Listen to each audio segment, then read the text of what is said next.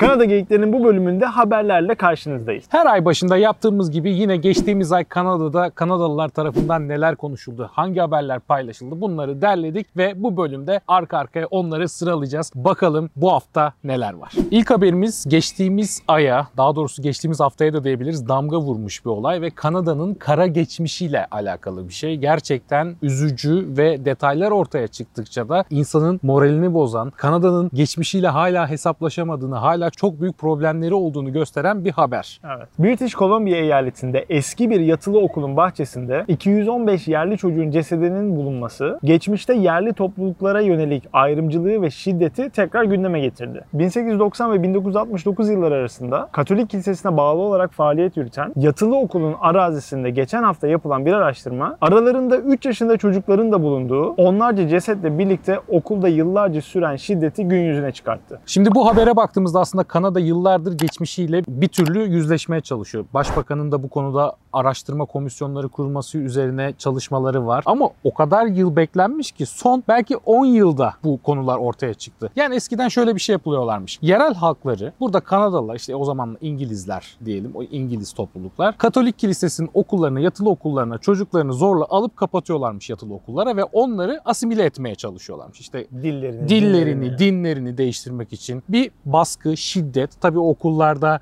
işkenceler, tacizler ve böyle ölüm vakaları, okul arazilerine gömülmeleri böyle böyle 150 bin çocuk ailelerinden zamanında koparılmış, yerel halklardan koparılmış ve bu okullara göndermiş. O çocuklardan bir daha haber alamamış aileleri. Bu yıllardır süre gelen bir trajedi olarak Kanada'nın tarihinde var. Ama Kanada ne zamandır bununla yüzleşmeye başladı? Yeni. Bu aslında Evren senin de dediğin gibi gerçekten Kanada'nın en pislik yönlerinden bir tanesiymiş o dönemlerde. Evet şimdi insan hakları işte dünyadaki en özgür ülkelerden bir tanesi vesaire ayaklarını çok fazla reklam gibi artık böyle promosyon gibi anlatıp anlatıp duruyorlar. Ama işte geçtiğimiz dönemlerde o kadar fazla yanlışlar yapılmış ki bunlar bir süre sonra yavaş yavaş su üstüne çıkmaya başlıyor. Hatta vatandaşlık sınavında şöyle bir soru vardı ki bu beni çok etkilemişti o dönemde. Soru şuydu aşağıdakilerden hangisi İngiliz kolonilerinin yerli halka yaptığı şeylerdendir? İşte birincisi işte okulları zorunlu eğitimleri alıp dinlerini değiştirmek, dillerini değiştirmek, bilmem nesini yapmak. En son seçenekte yukarıdakilerden hepsi. Aslında bunu hani açık açık kabul ediyorlardı ama yine de tabii ki böyle haberleri gün yüzüne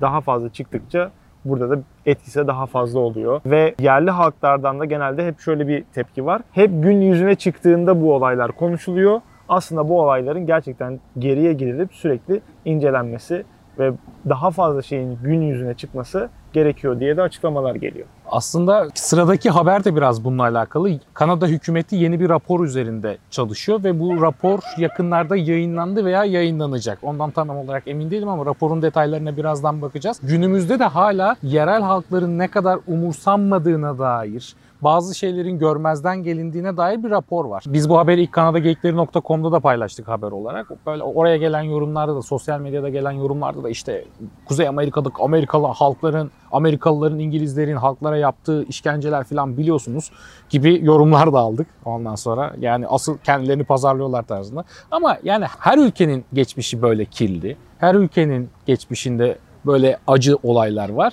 Sadece Hangi ülkeler bunu konuşabiliyor? Ne kadarı ortaya çıkıyor? Kim devlet arşivlerini açıyor? Konuşulması gereken bu. İyi yönlerine bakıyoruz, kötü yönlerine bakıyoruz. En azından ne diyoruz? Kanada şu an bununla bir yüzleşme çabası içerisinde ne kadar başarıyor, ne kadar başaramıyor en azından kabul ediyor. Az önce Evren'in bahsettiği rapora tekrar bakalım. Kanada'da son 50 yılda öldürülen kadınların çoğu yerli kadınlar. Kanada'da hükümet soruşturmasına ait bir rapor geçen gün geçtiğimiz günlerde basına sızdı ve bu raporda bu bahsettiği Eray'ın bahsettiği olay soykırım olarak geçiyor. Binlerce Kanadalı kadın ve kız çocuğu yaklaşık yarım yüzyıl boyunca ya öldürüldü ya da ortadan kayboldu diyor raporda ve bu dediğimiz gibi son 50 yılda da aynı şekilde rapor edilmiş durumda. Raporda diyor ki yapılan hesaplamalar Kanada'da 1970'lerden bu yana 4000 kadar yerli kadın ve kız çocuğunun ya öldürüldüğünü ya da, da ortadan kaybolduğunu gösteriyormuş ve bu CBC News tarafından açıklandı. İddialara göre polis yetkilileri bu kadınların kaybolma vakalarını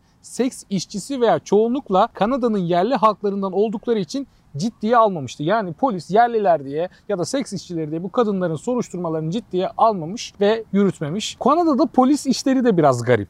Evet. Yani bununla da ilgili bambaşka bir bölüm hatta uzman kişileri bulsa konuşulabilecek bir konu. Bazı konularda inanılmaz araştırmalar yapıyorlar. Bazı konuları hiç ciddiye almadan da kapatabiliyorlar. Kanada içinde yaşanan gelişmeler bunlar. Yani, Yani, çünkü aslına bakarsan biraz polis polislik sisteminde şöyle bir şey var ya eyalete göre de bir ayrıca Evet. bir polislik sistemi var ya o yüzden bir eyaletin ba- e, bir eyalette polisin uyguladığı bir uygulama diğer eyalette bazen çok da fazla geçerli olmayabiliyor. Ya burada şey olarak aklıma hani polis bizde devletten direkt bir emir alır uygular. Burada biraz polis de özellikle hani Doug Ford bir açıklama yapmıştı hatırlarsan. İşte müdahale edin dışarıda toplananlara ya da evlere baskın yapabilirsiniz, arabaları durdurabilirsiniz tarzı bir e, polise istemişler. istemişti. Polis de açıklama yapmıştı. Hayır biz böyle bir şey kabul etmiyoruz demişti. Polisin burada devletten farklı bir kendi içinde de bir işleyişi var. Ve Evet. Kendi kafalarına göre bazen araştırmak istemedikleri şeyleri araştırmayabiliyorlar gibi bir şey çıkıyor raporun sonucuna göre. Ben demiyorum rapor böyle bir şey diyor. Gelelim göçmenlik haberlerine. Bakalım geçtiğimiz ayda Kanada'da göçmenlik konusunda neler oldu? Bu konuda Northern Pathways'ten lisanslı göçmenlik danışmanı Burcu Akyol'a bağlanıyoruz. Burcu sendeyiz. Merhaba Eray ve Evren. En son buluşmamızdan bu yana Express Entry taban puanındaki düşüş devam etti. Mayıs ayında 3 defa Kanada deneyimi sınıfı çekiliş yapıldı ve en son çekilişin taban puanı 380 oldu. Bildiğiniz gibi bu yılın başından bu yana hiç Federal Skilled Worker adaylarını da kapsayan çekiliş yapılmadı ve çekilişler tüm programları kapsamaya başladığı zaman puanların bu kadar düşük seyretme ihtimali olduğunu düşünmüyoruz. Ama tabii Express Entry trendleri hakkında kesin konuşmak mümkün değil, doğru olmaz. Çünkü taban puanları etkileyen çok fazla değişken var. Diğer taraftan Express Entry ile ilgili bazı değişiklik sinyalleri verildi. Bundan da kanadageyikleri.com için yazdığım yazıda elimizde olan bilgiler ışığında bir miktar bahsettim. Sıklıkla eyalet aday programları ile ilgili sorular alıyorum. 80'i aşkın eyalet aday programı var ve bunları özelliklerine göre farklı kategorilere ayırmak mümkün. Bazı eyalet aday programlarına Kanada'ya ayak basmadan başvurabiliyorsunuz ama bunların sayısı Kanada'da bulunan birinin faydalanabileceği program sayısından daha az. Bazı programlar için teknik olarak Kanada'da bulunmanız gerekmiyor dahi olsa örneğin program İş teklifi gerektiren bir programsa burada olan bir kişi için iş teklifi alma olasılığı çok daha yüksek oluyor. Mayıs ayı Ontario Eyalet Aday Programı için oldukça hareketli geçti. Programların Express Entry ile entegre olmayan kısmı artık ilk kayıt olanlara avantaj sağlayan sistemden puan bazlı sisteme geçtiği için Programlar hep açık ve kişiler puanlarına göre Express Entry'ye benzer şekilde bir başvuru havuzuna giriyorlar. Ve Ontario'nun belirlediği aralıklarla belirli programlarda veya belirli meslek grupları için çekilişler düzenleniyor ve kişiler eyalet adaylığına başvuru daveti alıyorlar. Bir tek 3 tane program henüz açık değil. Ontario Master ve Doktora mezunlarını kapsayan iki program ve In Demand Skills isimli program. Bunların da yaz aylarında açılmasını bekliyoruz. British Columbia'dan da bir gelişme paylaşalım.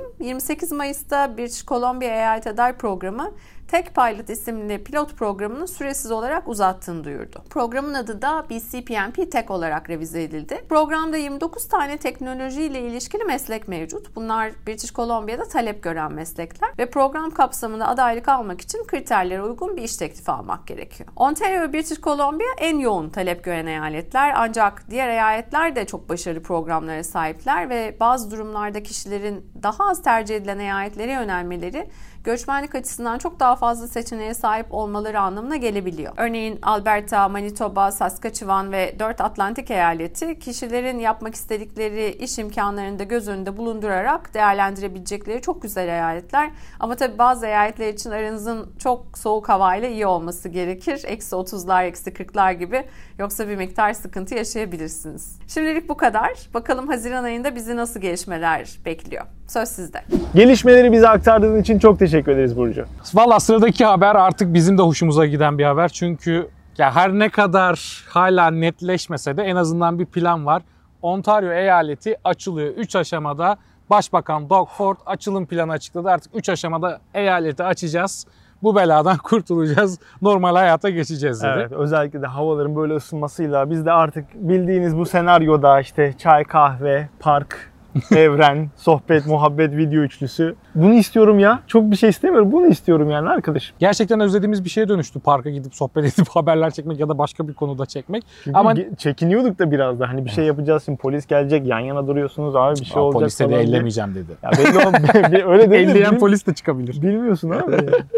Şimdi 3 aşamalı plan şu şekilde tamamen aslında aşıyla alakalı. Kanada aşı konusunda biraz yavaş ilerliyordu ve son zamanlarda gaza bastı. En azından şöyle bir karar aldı. Ya dedi ben şimdi birincileri yapayım, ikincileri yapayım, herkesi tam aşı yapayım diyordu. Ama sonra düşündü ki benim nüfusu hızlı bir şekilde ilk aşıları vermem lazım. Şimdi pa pa pa pat ilk doz aşıları veriyor. İkinci dozları da sonra hallederiz. Yazı yazın sonunda bitirmiş oluruz. Ülke refah erer bu konuda Ağustos'un Ağustos'un sonuna kadar bitirmeyi istiyorlar ama bilmiyorum. Bu biraz Amerika'ya da bağlı aslında. Aşıyla ilgili de madem konuşmuş olalım. Hala Amerika'dan mesela Kuzey Dakota'dan Alberta, Winnipeg taraflarına doğru hani aşıyı göndermek istiyorlar. İki eyalet diyor ki biz anlaşalım biz size aşı gönderelim. Ama Joe Biden, Amerika'nın prezidenti diyor ki ya bir durun önce bizimkileri aşılayalım. Hı hı. Hani böyle böyle bir savaş da var aslında. Yani eyaletler birlikte çalışmak isterken Joe Biden biraz bunlara ket vuruyor. Öyle bir tatsızlıkta, Ama- tatsız durumlar da var. Justin bu duruma şey yaptı yani o zaman dedi hani Moderna için konuşuyoruz. Moderna Amerika'dan geldiği için Pfizer veririz dedi. Yani Pfizer'la anlaşma 8 milyon doz anlaşma yaptı son zamanda. Biz Avrupa'dan aşıları alacağız dedi. Zaten hani Alman Pfizer'da Pfizer'da zaten bu garantiyi verdi. Biz size göndereceğiz kanka sıkıntı yok. Bu aşılar Rahat sizde. olun dedi. Rahat olun dedi. Şimdi tak tak tak tak o aşıları yapıyorlar. Çok hızlı çok çok hızlı 3 aşamalı 3 3 aşamalı planın başlıklarını söyleyeceğim. Kanada Geekleri.com'da ayrıntıları var zaten. Web sitemizde artık sık sık da haberleri yayınlıyoruz. 3 aşamalı plan şöyle. İlk aşamada %60 aşılandığında ilk dozu aldığında Ontario ilk aşama başlıyor. O da 14-15 Haziran gibi Haziran yani 14 evet. restoranların bahçelerinde 4 kişiye kadar masalarda toplanacağız. Yemeğimizi yiyeceğiz ve birçok şeyde 10 kişiye kadar açık hava spor, antrenman ve kişisel antrenman yapabilme yerleri de açılacak. Niye güldün bu kadar? Şey, şuraya geldi tam köpek şunun dibine şişini yaptı da. Ha, O sırada tripoda mı işedi? İşte kamp yerleri açılacak Ontario'da. İşte açık hava at yarışları, motor bilmem ne. Açık havada bir sürü şey açılıyor ilk aşamayla beraber. İkincisinde zaruri ihtiyaç şu an Olmayan kapalı olan yer, olmayan yerleri de dükkanları da açacaklar belli bir kapı. %10, %15 böyle artacak. İçeride alışveriş falan, alışveriş merkezleri hmm, evet. açılacak. yavaş yavaş her şey açılıyor. Açılmayan tek şey var. O da okullar. Okullar evet. Evet. Ne yazık ki Eylül'e kadar kapalı olacak. Ama sen önce 3. aşamaya Evet. gel sonra onu anlatacağım. Üçüncü aşamada nüfus %70, %80 ilk dozu alıyor. Sonra yetişkinlerin de %25'i tamamen aşıldı mı artık üçüncü aşamada Açın diyor. sinema Oğlum üçüncü aşamayı Böyle artık yaparsan bekliyorum. açmazlar "Aa, Virüs mü sayıyor? Ben- biz aşılıyız. Ondan sonra birçok faaliyete kumarhaneler, bingo salonları. Bu çok önemli bizim Bingo için. salonları. Bingo salonu benim vazgeçilmez şeyim. Teyzeler, dedeler onlar Aynen. çok seviyor öyle. Anneanneler, babaanneler. Kapalı alanda yemek memek açılacak. Bir AstraZeneca konusu var aslında değil mi? Evet. Aşı karıştırılabilir mi, karıştırılamaz mevzusu da konuşuluyor bu ara. Aynen öyle. Ee, ona da Kanada'nın Sağlık Bakanlığı dedi ki aşıları karıştırabilirsiniz. Rahat olun. Herhangi bir sorun yok. Yani önce ilk aşıyı AstraZeneca, ikinci aşıyı işte Moderna ya da Pfizer olabilirsiniz. Geçmişte de zaten bunun örnekleri vardı. O yüzden içiniz rahat olsun. AstraZeneca'yı zaten şu an kaldırıyoruz ama ilk aşıyı AstraZeneca olanlar üzülmesin.